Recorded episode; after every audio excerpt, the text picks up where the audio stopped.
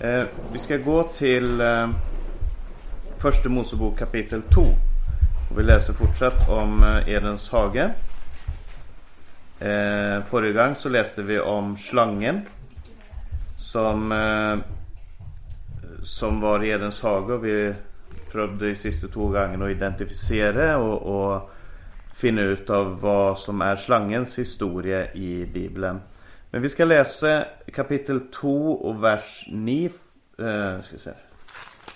Kapitel 2 och vers 9 först. Det står det Och Gud Herren låt alla slags trär växa upp av jorden. Präktiga att se på och goda att äta av. Och så livets trä mitt i hagen och trä till kunskap om gott och ont. Och i det femtonde verset så står det Och Gud Herren tog människa och satte ham i Edens hage till att dyrka och vakta den. Och Gud Herren böd människa, av vart tre i hagen skall du fritt äta, men trä till kunskap om gott och ont må du icke äta av, för den dag du äter av det skall du visselig dö. Eh, det här är ju de två kända träden i eh, Edens hage, livets trä och trä till kunskap om gott och ont. Och de står verkligen som, inte bara vid sidan av varandra i Edens hage i mitten av hagen. Men de står också som varandras eh, eh, motsatser, varandras motbilder. Det ena kallas för livets trä. Och det andra kallas för trä till kunskap om gott och ont. Och som också vill leda till död. För Gud säger att den dag du äter av det skall du visselig dö. Eh, så där forskellen och det är, det är kontrasten, själva kontrasten mellan liv och död som presenteras i den här berättelsen om eh, de två träna. Och livets trä, om man, läs, om man läser igenom hela bibeln så Uttrycket livets trä förekommer bara tre gånger i hela bibeln. Det är tre väldigt viktiga nedslagspunkter helt i begynnelsen, det som vi har läst nu. Det är sås i, i vart fall i vår bibel, helt i mitten i Ordspråksboken. Och det är i Johannes uppenbaring. Det är de tre städerna som uttrycker livets tre, står att läsa. Men eh, som tema betraktat eh, så, så är det något som kommer tillbaka gång på gång. För det är livets tre, det representerar det som Gud önskar för oss. Det som Gud vill med oss människor och det som han önskar att ge till oss. Alltså i oss så är det ett, om du vill, ett tomrum. I oss så är det en, en något som manglar, något som trängs. Vi har en längsel efter något. Vi har längsel efter många olika ting. Men livets trä representerar Guds måte och tillfredsställa den trang som finns i vart människa. Så livets trä är Gud som sträcker ut sin hand och säger Detta är det du tränger för ett gott liv. Detta är det du tränger för ett liv i fällskap med Gud och till ett evigt liv samman med han. Eh, så, så man kan på en måte se, se att om, om eh, livets trä representerar det som Gud ger till oss, det som Gud eh, önskar att vi ska ha av kunskap om han så kan man se att hela skriften, hela bibeln är ett livets trä. För exempel så kan vi läsa i Mika hos profeten Mika och jag har eh, gång på gång kommit tillbaka till profeten Mika faktiskt. Jag syns att det är en fantastisk profet som eh, eh, har varit nedslagsfält för många av de olika trådarna som vi har sett utifrån Edens hage. Eh, och i Mika kapitel 6 så står där en slags koncentration av, av Guds vilja. Eh, där står det i det åttonde verset, profeten Mika, vers, eh, kapitel 6, vers 8. Han har sagt dig, människa, vad som är gott. Och vad kräver Herren av dig utan att du ska göra rätt och visa kärlighet och vandra ydmykt med din Gud? Alltså det som är gott, det har Gud visat oss. Det som leder till ett gott liv, det som är att ha ett rätt förhåll till Gud, till sig själv, till människor omkring sig. Och han säger alltså att göra rätt, det handlar om människorna runt omkring oss.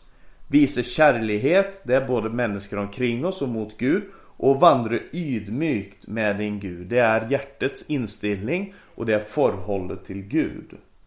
Det är vad Gud önskar av människor. Och det är det skriften egentligen handlar om, hela skriften. Det finns många bibelforskare, ehm, eh, det finns många förkynnare och i sin tid, på sin tid rabbiner som menar att detta bibelordet koncentrerar hela skriften. Vad är det Gud önskar? I Edens hage så var det uttryckt det Jag önskar att dere ska spisa av alla träna och framförallt av livets trä och icke spisa av träet till kunskap om gott och ont. Här i Mika så uttrycker sig som jag önsk, Gud önskar att vi ska göra rätt, att vi ska visa kärlighet och att vi ska vandra ydmykt med vår Gud. Eh, och många av Bibelns författare reflekterar över det här temat. Vad är det Gud önskar? Eh, och i Ordspråksboken framförallt, men eh, också på andra ställen så, så reflekteras över temat Vad är livets trä?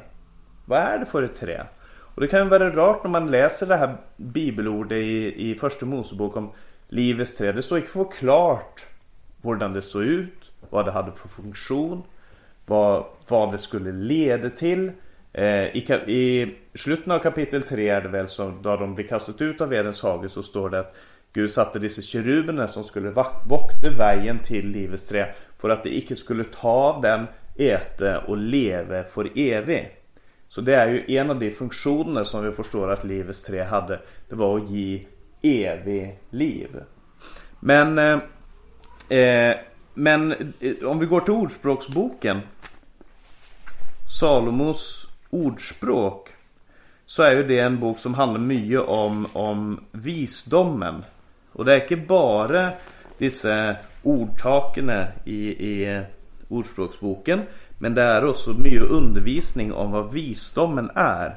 Och i det tredje kapitlet, Salmos ordspråks tredje kapitel, så kan vi läsa någon vers. Eh, kan läsa ifrån det trettonde versen. Och, och om du, det vi läser i Mika var, var Herren har visat dig vad som är gott.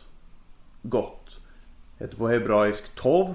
Det är detsamma som där det står Gud såg att det var gott. Det är inte gott för mannen att vara alene och så vidare. Det är, det är det, alltså vad som är tov för dig. Vad som är bra för dig. Det som ger ditt hjärta det ditt hjärta tränger. Det är dessa ting. Här så börjar det med salig är det människa. Och det är ett annat ord men det har lite av det samma tingen. Salig är det människa. Alltså, hurdan finner människa det som är bra, det som är gott, det som tillfredsställer, det som ger salighet. Salig är det människa, säger, eh, säger Ordspråksboken, som har funnit visdom. Det människa som vinner förstånd. För det ger bättre vinning än att vinna sölv och bättre utbyte än guld. Den, den är mer värdefull än pärlor och alla dina skatter kan icke lignas med den. Langt liv har den i sin högra hand, rikdom och ära i sin vänstre. Dens väjer är fagre väjer och alla dens stier är fred. Den är livsens trä för den som griper den. Lycklig blir världen som håller fast på den. Herren grundfästet jorden med visdom, han byggde himmelen med förstand. Vid sin kunskap lot han det dy dype vann välle fram och skyene drypper av dugg. Och här beskrivs visdomen på en måte som, som säger att då Gud skapade världen så gjorde han det med ett slags eh, baktäppe eller med en tanke som var visdomen. Det är visdomen i grund. Och därför om vi kan koppla in på den här Guds visdom Alltså hurdan Gud har tänkt att man ska leva sitt liv Så vill vi få avgång till, om du vill, det som är lycka han talar, han talar om eh, lycklig blir världen som håller fast på den. Eh, det, eh, I vers 17 så står det om fred, om fagre väjer. I vers 16 så står det om långt liv. Och den har, den har rikdom i sin ena hand. Och den har långt liv i sin andra hand. Den har ära. Den har alla dessa ting som jag tror att människor faktiskt längtar efter men som man söker efter på fel sted. Det är vad Gud tillbyr genom visdomen. Så Ordspråksboken säger Nej det är sant, vi har inte längre aga till livets trä i Edens hage. Det är borta. Men vi har Guds visdom. Och Mika säger vi har, vi har det som Gud har talt till oss. Det som Gud själv säger. Och vi kan gå till psalme 1.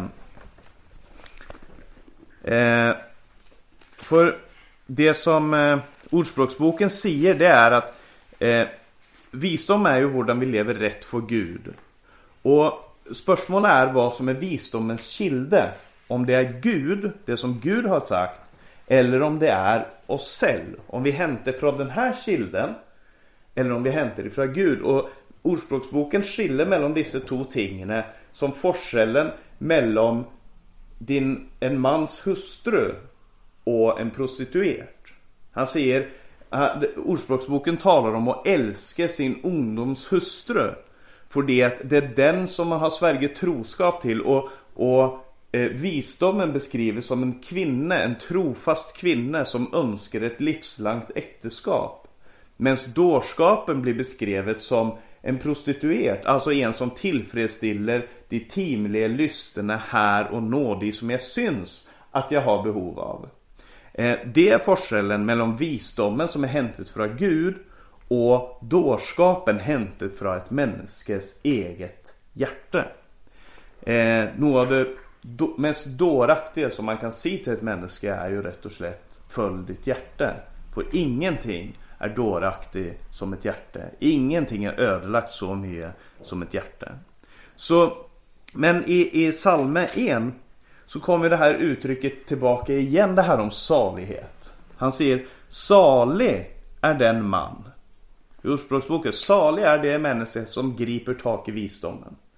Och i psalmen igen så står det Salig är den man som icke vandrar i ugudlige folks råd och icke står på syndares väg och icke sitter i spottares säte men har sin lyst i Herrens lov och grunnar på hans lov dag och natt. Han ska vara lika tre plantet vid rännande bäckar. Den ger, det ger sin frukt i sin tid och dess blad vissnar icke. Allt det han gör skall han ha lycka till. Slik är det icke med de ogudliga, det är lik agner som vinden blåser bort. Därför skall de ugudliga icke bli stående i domen och syndare icke de rättfärdigas menighet. För Herren känner de rättfärdigas väg, men de ugudligas väg förer till undergång. Detta kapitlet tar inte många sekunder att läsa igenom. Men det är kanske ett av Bibelns absolut viktigaste kapitel. Jag har hört det en eh, förkynner som eh, bibellärare som, som, tal, som hade som specialitet eller vad man ska säga. Han hade skrivit bibelkommentarer om Salmenes bok och han sa jag vet inte hur många prekner, böcker eh, och sånt jag har skrivit om eh, Salme 1 och som jag har undervist om Salme 1 där jag har talat om den här texten för den är så rik. Och det jag vill bara peka på här är att han ser salig är den man som är, har sin lyst i Herrens lov, alltså i Herrens Torah. Eh, andra översättare ser Herrens undervisning. Torah är ju de fem Moseböckerna eh, i Bibeln. Eh, men ordet betyder egentligen lov eller undervisning. Eh, som har sin lyst i det som Herren har talt rätt och slätt. Det som Herren har, som Herren har talt till sina profeter som de har skrivit ner.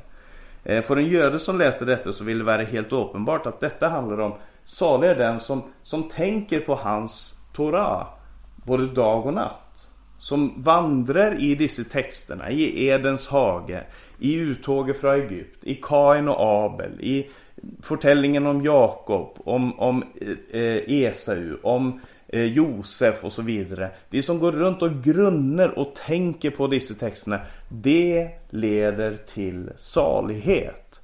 För då blir man själv ett livets trä. Ett trä plantet vid bäckar som icke eh, som, som, eh, som bär sin frukt i sin tid och vis löv eh, blad icke vissner och allt det han gör skall han ha lycka till. Så spörsmålet i den här texten det är Ska du följa Guds undervisning eller syndares väg? Det är det här valget nog en gång. Ska du bli ett livets trä? Eller ska du bli som agner som vinden för bort? Det är valget som Gud ställer oss för gång på gång i skriften. Och om man går tillbaka till första Mosebok så kan man ju se att Gud önskar en, en aktiv deltakelse. För man spör sig själv, varför är det helt att skapa dessa två träna? Varför kunde inte Gud ha skapat bara Edens hage och så sagt Spis av allt, lycka till, ha det bra. Varför tränger vi livets trä och varför tränger vi trä till kunskap om gott och ont? Varför vill Gud frista oss? Varför vill Gud sätta oss på pröve på den där måten? Eh, varför vill Gud eh, att vi ska stilles inför det här? Han må ju nödvändigtvis ha visst att Adam och Eva skulle falla. Men jag tror att svaret på det spörsmålet är att Gud önskar en aktiv deltakelse från, vårt, från vår sida. Alltså en aktiv kärlighet uttryckt från vår sida. Där vi i valget mellan att göra det som Gud önskar och göra något annat, det som Gud har sagt du skall icke. Så är vårt hjärtes längsel att få göra det som Gud har sagt.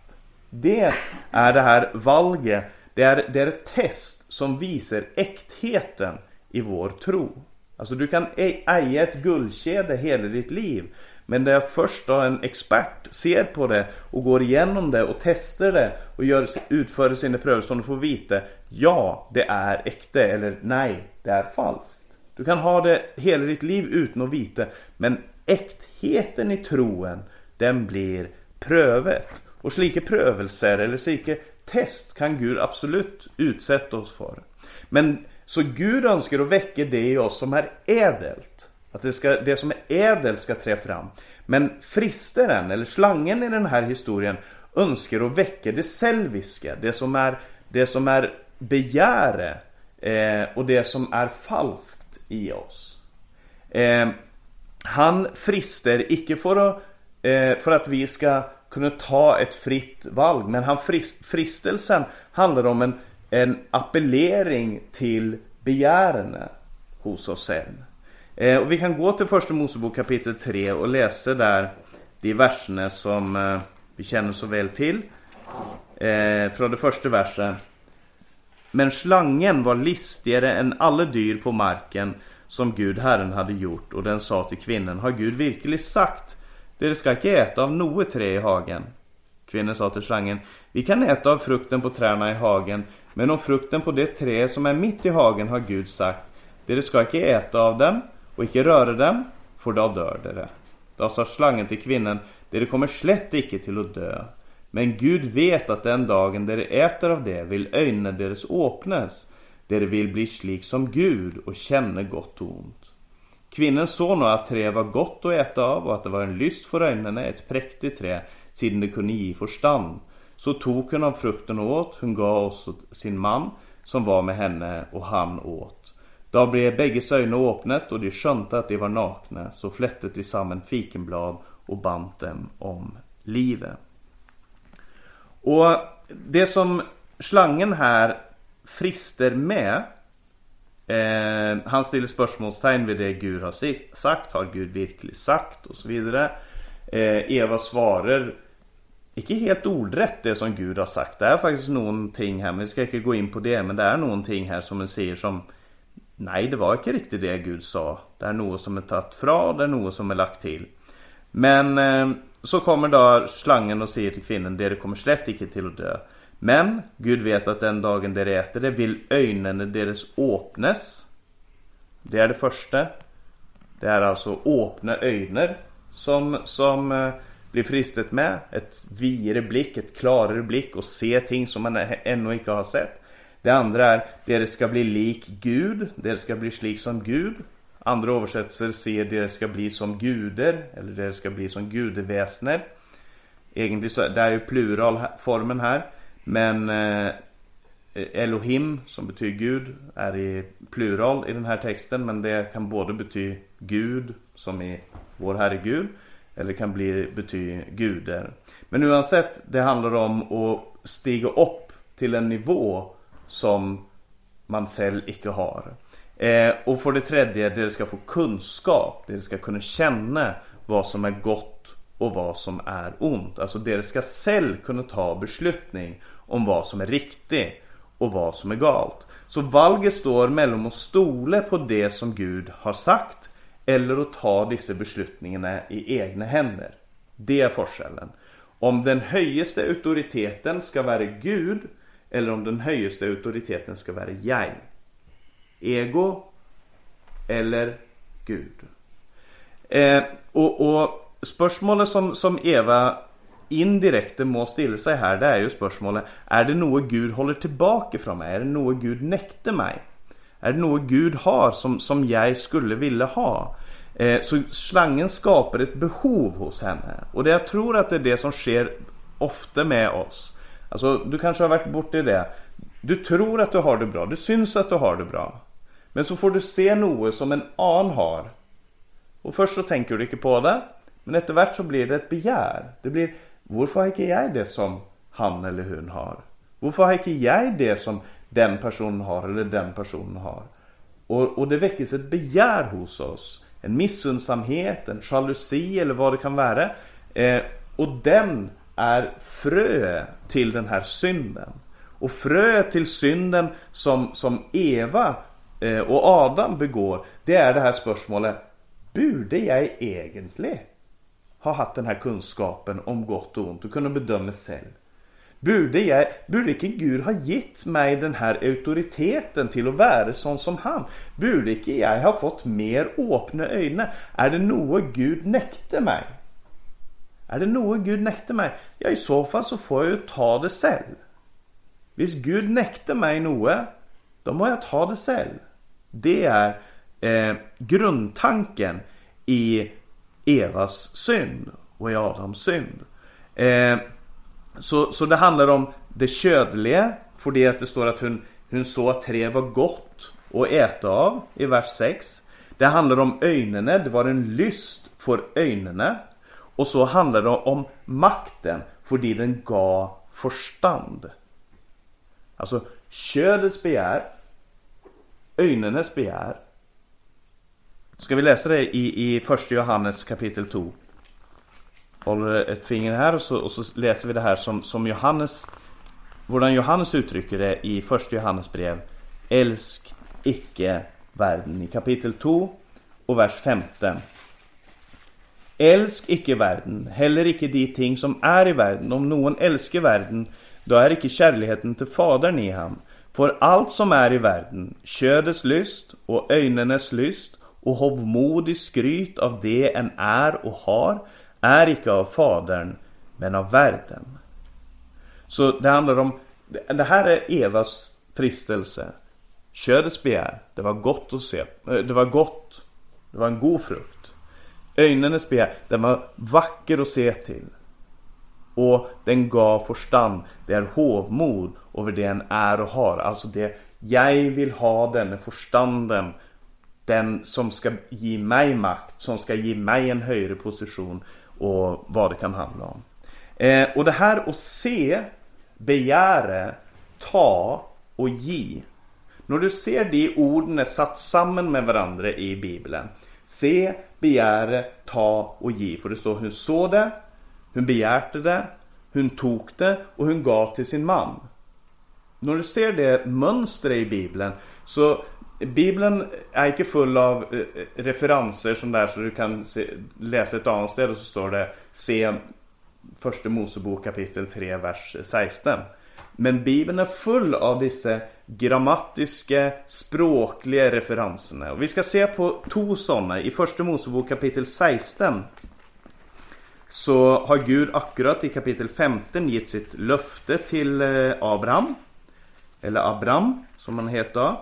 Eh, och han har blivit eh, han har fått löfte om, om eh, en familj. Han trodde Herren och det blev regnet hans som rättfärdighet. Eh, och han har blivit lovet barn och en stor ett. Men så står det i det 16 kapitlet från det första versen. Eh, Sarai, Abrams hustru, födde han mycket barn. Men hon hade en egyptisk trällkvinna som het Hagar. Och Sarai sa till Abram Se, Herren har näktet mig barn. Jag ber dig, gå därför in till min trällkvinna, kanske jag kunde få ett barn vid henne. Och Abraham gjorde som Sarai sa. Så tog Sarai Abra Abrams hustru, sin egyptiske trällkvinna Hagar, och gav henne som hustru till sin man Abram. Det var då tio år sedan Abram hade bosatt sig i Kanaans land. Och han gick in till Hagar och hon blev med barn, men då hon såg att hon var blivit med barn ringaktet hon sin frue. Sarai säger, Herren har näktet mig barn. Det är något i det som Gud, i det som ville gjort mig lycklig, som Gud nekter mig. Jag har inte fått det från Guds hand. Vad må jag göra då? Jag må ta. Det är det Sarai säger. Så tog Sarai, Abrams hustru, sin egyptiske trällkvinna Hagar och gav henne som hustru till sin man. Alltså vad Sarai syntes om denna saken, eller vad Hagar syntes om denna saken, det är helt ointressant. Men, men eh, man utöver sin makt över en trällkvinna. Utnyttjar henne som, som ett sexualobjekt, utnyttjar henne som eh, för att uppnå det som man själv syntes att man hade rätt till. Gud har näktet mig, därför så tar jag och jag ger till min man. Så det samma mönstret gentas. Och kanske ända tydligare är det om vi läser i Josva. Josva handlar ju om intagelsen då Israels folk har varit i, i örknen. Så kommer de in i Kanans land i Israel. Eh, och de ska inta landet. Och först kommer de eh, Först är det det stora slaget vid Jeriko. Och då sa Gud, det ska icke ta någonting från Jeriko. Allt ska brännas upp. Allt ska ödeläggas, allt ska rivas ner och det ska inte ta någonting av det som är i Jeriko. Det var mycket rikt om Jeriko, icke ta någonting. Eh, och så kommer striden emot Ai, eh, byen byn Ai, och då tappade Israel. Och det som sker då de tappade var att de skönte Noa är fel. Och de gick och spurte Herren och Herren sa det är synd. Det är överträdelse ibland Israels folk. Israels folk har överträtt, övertrått mina bud. Och då börjar man att söka efter vad det är som har skett. Och i Josva kapitel 7 så kommer man fram till vad det är som har skett. Det är nämligen en man som heter Akan. Mm? Josva. Joshua. Joshua. Joshua eh, kapitel 7 och vers eh, 19 så står det Då sa Josva till Akan Min son Ge Herren Israels Gud ära och pris. Se mig vad du har gjort, skjul det icke för mig. Och Akan svarte Josva och sa Det är sant. Jag har syndet mot Herren Israels Gud. Detta har jag gjort. Och så lägg märke till orden här. Jag så Blant bytte en präktig babylonisk kappe och 200 sekel sölv och en guldblock som vägde 50 sekel. Disse ting fick jag lyst på och tog dem. De ligger nedgravda i jorden. Andra översättare säger det ligger skjult. Det ligger skjult. Vad var det som skedde då, då Adam och Eva hade spist det däcket sig till med fikenlöv och det skjuter sig för Gud. Det ligger skjult i jorden under tältet mitt, söllet nederst. Och då sände Josva någon män dit och de löp till tältet. där i tältet fann de tingen en nedgravd söllet nederst. Jag såg det. Jag fick begär till det. Jag tog det. Och jag skjuter det.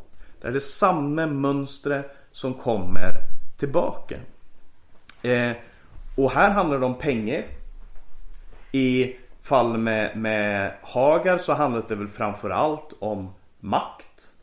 Du kan se det samma mönstret i fortällningen om eh, eh, eh, Puttifars hustru och Josef. Där handlar det om sex. Och med moderna uttryck så, så är det det man talar om som är människors stora motivationer. Det handlar om sex, om pengar och om makt. Och Johannes uttrycker det som det som är i världen, det är ködets begär, det är ögonenes begär och det är hovmod över det en är och har. Eh, och om vi går tillbaka till, till eh, Första Mosebok 3 igen. Så sker ju det, då, då faller är ett faktum, då, då de har spistat det. Så hörte de Gud Herren, står det i Första Mosebok eh, 3 och vers 8. Och de hörte Gud Herren som vandrade till hagen, då dagen var blivit sval. Och Adam och hans hustru skjulte sig för Gud Herrens åsyn mellan träna i hagen. Då kallade Gud Herren på Adam och sa till honom, Var är du? Han svarte, Jag hörte dig i hagen och då blev jag rädd för det jag var naken och jag jämte mig. Då sa han, Vem har sagt dig att du är naken? Har du ett av tre jag förböd dig att äta av? Adam sa, Kvinnan som du gav mig till att vara hos mig, hon gav mig av tre och jag åt. Då sa Gud Herren till kvinnan, vad är det du har gjort? Kvinnan svarte, slangen dåret mig och jag åt. Så. Här, här, det, det, som sker här är så typiskt. Det är en arketyp för det som sker då vi väljer själv vad det är vi ska göra inför Gud. Då Gud kommer i, i sin dom där vår samvittighet talar till oss, då vår synd blir uppenbart exponerad. Vad är det första vi gör? Vi söker efter en grund utanför oss själva. Adam säger, han säger inte bara kvinnan som var med mig, han säger kvinnan som du gav mig. Kvinnan som du gav. Så i grunden är det Guds fel? Är det inte det? Alltså, jag tror att det är något av det som Jakob talar om där han säger att Gud frister ingen. Ingen som blir fristad ska säga det är Gud som frister mig, för Gud frister ingen. Eh, för det, eh, man, man hade den här inställningen att ja men allt kommer ju från Gud ytterst sett och då är det väl, då är jag väl undskyld? Nej. Och, och, och Adam börjar att skylla på Eva. Eva skyller på slangen. Och det är så eh, typiskt för mänskligt bete beteende. Jag, jag, är helt makteslös inför det som sker mig. Jag, jag är helt övergiven till dessa krafterna. Och det är sant att syndens makt, särskilt efter Adam och Evas fall, är en oemotståelig kraft i, en i ett människas liv. Eh, som icke har, har fått uppleva den helige ons, livets ons lov i sitt liv. Det är helt sant. Men samtidigt så är det också sant att vi är ansvariga för den vär beslutning vi tar. Vi, vi har möjligheten att säga ja och vi har möjligheten att säga nej. Det är ingen som blir tvunget till att synda. Det är ett valg som vi gör. Eh, och om, om vi så skulle följa hela Israels historia eller hela bi, den bibelska historien så ser vi det här genta sig så många gånger att, att det blir nästan meningslöst att gå in på, på alla dessa texterna. Det handlar om Kain. Det handlar om Lemek. Det handlar om Noas samtid. Det handlar om Abraham. Det handlar om Jakob. Det handlar om Josefs bröder, Bara i första Mosebok. Och så har du Israels folk ute i örknen. Hur man vänder sig emot Gud hela tiden. Gång på gång på gång. Och nu i vår bibelläsning här på kvällarna. Så läser vi från fjärde Mosebok. Och vi har akkurat läst om Koras upprör.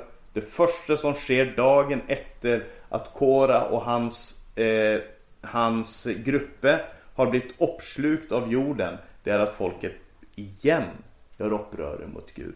Det är ett, det är ett mönster. Och vi kan gå till första krönikeboken bara. Eh, I första krönikeboken eh, där handlar det om kung David i det 21 kapitlet. Och här är en av de få texterna i Gamla Testamentet där faktiskt Satan står omnämnt. Där står det i eh, Första krönikebok 21 och vers 1. Men Satan stod upp mot Israel och ägget David till att tälla Israel. Här är motståndaren som träder upp mot Israel eh, och som får David då till att tälla Israel. Eh, fram till idag hade man inte haft någon folkupptälling sedan folket gick ut ifrån Egypt. Gud håll tällning på det som hörte han till. Eh, men, da, men, David säger till Joab eh, Gå täll folkene.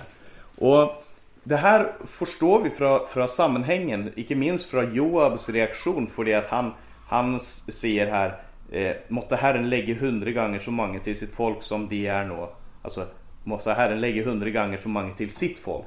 Icke ditt folk, men det är Herrens folk. Herre konge, er de ikke min Herres tjenere alle sammen? Hvorfor krever min Herre dette? Hvorfor skulle dette bringe skyld over Israel? Den svenska översättelsen, eh, Folkbibeln 2015, säger Varför begär? Varför begär kungen detta? Alltså, varför har du detta önske i dig om att få vite vår mange det är som är under dig, Vår mange du härskar över, Vår mycket du styrer över. Varför är det ett begär hos dig? Det är spörsmålet. Och det man kan se som är systematiskt, som är, som är pågående, det är att när, när eh, synden är i maktens korridorer så, så eh, har det sådana otroliga konsekvenser. Alltså ju högre upp i, ska du säga, hierarkin eller ju högre upp i, bland de som har fått av Gud en position för att tjäna hans folk och för att tjäna han. Eh, ju högre upp som den synden befinner sig ju större konsekvenser får det på människors liv. Alltså hade en familjefar sagt att jag vill veta hur många sauer jag har i min flock eller jag vill, jag vill veta hur stor min familj är. Så är inte det i det hela tatt av samma dimension som David som sitter och säger jag vill veta hur många undersåtter jag har, hur stort mitt folk är. Eh, och Joab förstår det. Men David förstår det inte. Eh, och så, så David vill gärna skryta av det här. Och de här profeterna, det här, för det här gentar sig ju gång på gång på gång i Israels historia. Och profeterna som från Hosea på 700-talet för Kristus fram till Malakias på 300-400-talet för Kristus. Eh, de, de profeterar till Israel och det här är deras tema. Hela tiden det här, dere har vänt er bort ifrån Gud, dere har valt tre till kunskap om gott och ont, alltså att dere själv ska välja vad som är gott och ont. Eh, istället för att höra Guds stämma.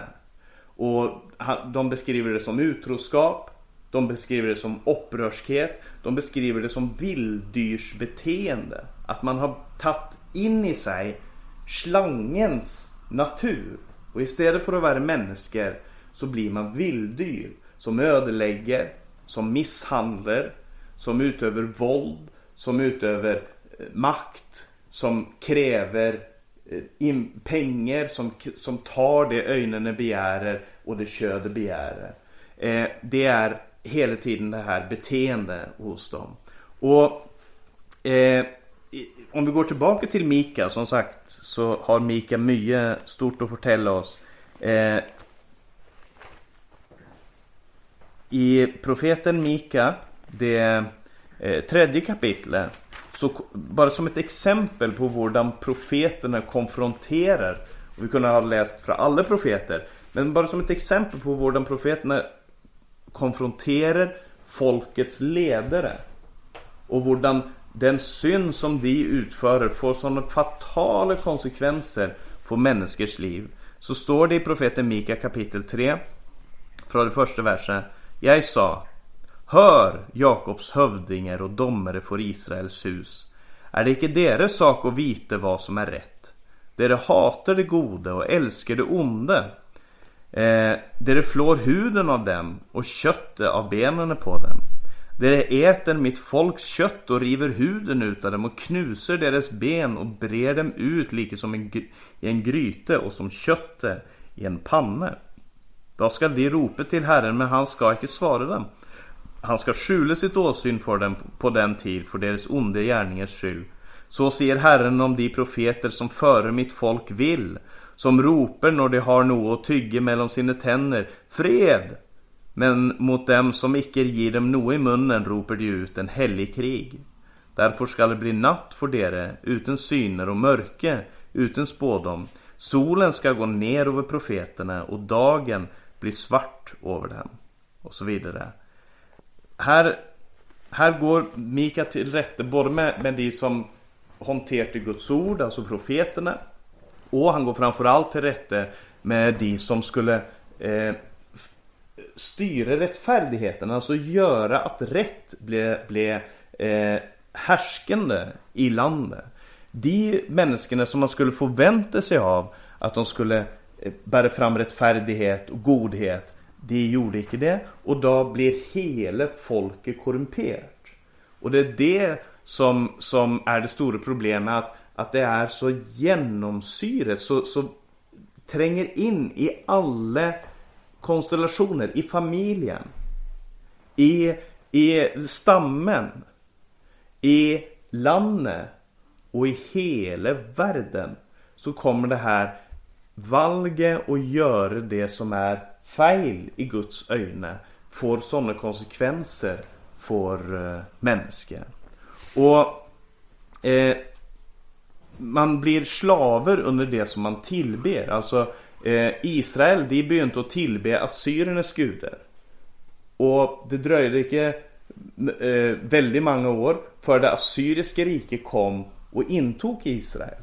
Så begynte judarna i Sydriket att tillbe Babylons gudar och stole på Egypt. Och det tog inte lång tid, någon hundra år, så var man ockuperad av Babylon. Och var eh, under deras makt. Man blev tjänare till de man tillbad, rätt och slätt. Och det som, men det som är Guds tanke hela tiden, och jag ska strax avsluta, men jag ska säga att det som är Guds tanke hela tiden, det är att skapa en ny lyst. Ett nytt begär hos människor. För det är att vi kan icke stå emot det som är vårt begär. Är det vårt begär så kommer vi till att göra det. Alltså vi kan stå emot för en tid, vi kan stå emot till en viss grad. Men är det vårt begär att göra något så kommer vi till att göra det. Men i Jesaja 55, jag ska läsa två bibelord här till sist. Så ska jag avsluta med det. Och så nästa gång så ska vi gå in på hur Jesus representerar ett nytt trä. Hur han eh, eh, representerar och bärer upp på förbannelsens trä och gör det till ett livets trä. Men i profeten Jesaja kapitel 55 så står det från det första versen. Nåväl, alla de som törster, kom till vannarna. Och de som ingen pengar har, kom, köp och ät. Ja, kom, köp utan pengar och utan betalning, vin och mjölk. Varför väjer dere ut pengar för det som icke är bröd och deras förtjäneste för det som icke kan mätte? Hör på mig, så ska dere äta det gode och deras själ ska glädja sig vid de fete rätter. Vänd öre hit och kom till mig, hör, så skall deras själ leve. Och jag vill upprätta en evig pakt med dere och ge dere Davids rike nåde den visse. Så Gud tillbyr Gud tillbyr liv och så säger han Varför ger dere ut så mycket pengar för det som inte kan mätta? Alltså varför väljer dere gang på gang på gang att spisa av ett trä som inte ger det dere begär? Så, eller som inte ger det dere tränger men bara det dere begär. Eh, varför väljer dere att och hela tiden ge ut för något som inte mätter? Och det Gud önskar att se är Jag har det som ger själen mätthet. Gud säger Jag har det som ger ditt hjärta ro. Som ger ditt hjärta fred. Som ger ditt hjärta glädje. Det som virkelig forandrer och som virkelig gör dig lycklig, det finner du icke i makt. Det finner du icke i pengar. Det finner du icke i egendom. Det finner du icke i sex. Det finner du icke i, i någon av dessa ting som denna världen har att ge. Det finner du ene och alene hos Gud. Bara i Gud finner ditt hjärta sin ro. Och, och därför, och vi ska läsa det här till sist i Esekiel kapitel 11. För problemet är ju det att oavsett hur mycket vi vet det här, hur mycket vi eh, intellektuellt kan ta det in över oss. Ja, det är sant att jag gör så många ting som är fel. Jag dras mot det som är fel hela tiden. Men vad ska jag göra med det? Det är liksom min natur. Det är sån jag är. Jag, jag kan icke av hjärta älska Gud och det är helt sant. Vi kan icke det. Men det som Esekiel säger i kapitel 11 och vers 19 är som följer och det är en profeti som når ett folk som är i fangenskap i Babylon. Eh, och Gud talar om framtiden och han talar om där han ska skapa något nytt. Och det står Och jag vill ge dem ett hjärta och en ny ond vill jag ge i deras inre. Och jag vill ta bort steinhjärta av deras köd och ge dem ett ködhjärta. Så skall de följa mina bud och hålla mina lover och leva efter dem. De ska vara mitt folk och jag vill vara deras Gud. En, ett nytt hjärta och en ny ond. Jesus Kristus, han är den store kirurgen, den store kardiologen som förändrar människors liv. Som förändrar till och med vår lyst. Så att den blir en lyst efter han. Så att det blir en längsel efter mer av Gud. Så att det blir en längsel efter att få känna Jesus Kristus. Och i Jesus så ser vi Guds skönhet. Så ser vi livets trä. Så ser vi storheten i Guds plan för oss. Och jag tror att det finns faktiskt ett hopp. Mitt i all den eländighet som vi har läst om nå. Nästa gång så ska vi pröva att komma in på något som är lite mer positivt. Men mitt i all den här eländigheten som vi ser här. Så tänker jag likväl. Det finns icke en möjlighet för att det som är i världen är större än det som är hos Gud. Och om det som är hos Gud, den Guds kärlighet som är uttryckt i Jesus Kristus. Det är den oändliga kärleken och den kärleken den är uimotståelig. Alltså för den som får upp ögonen för Guds kärlek så är den kärleken helt uimotståelig. Det är vårt hopp. En uimotståelig kärlek. Vem kan skilja oss från Kristi kärlek? Jag är viss på att varken död eller liv, makter, noe välde, någonting i denna världen. Det är vårt hopp. I Jesu namn. Amen. Jag tackar och prisar dig himmelske Fader. Tack för den stund Herre samlat omkring dig. Tack Herre för eh, ett evigt liv samman med dig. Tack för vandringen Herre. Och tack för att du är vårt liv. Tack för att i dig så har vi funnit både vägen, sannheten och livet. Vi tackar dig Herre för att eh, du har gett oss möjligheten till att välja och vi vet att vi så många gånger feilar. Att vi så många gånger följer våra begär, att vi så många gånger ödelägger våra relationer till andra människor. Att vi ödelägger oss själva, att vi ödelägger vårt förhåll till dig och icke tillber dig, du som är all ära värt. Men vi ber dig Herre att du vill förändra våra liv, att du vill ge oss visdom i hjärtat Herre. Att du vill eh, låta oss få del av livets trä Herre. Vi lovar och prisar och tackar dig för allt. I Jesu Kristi namn. Amen.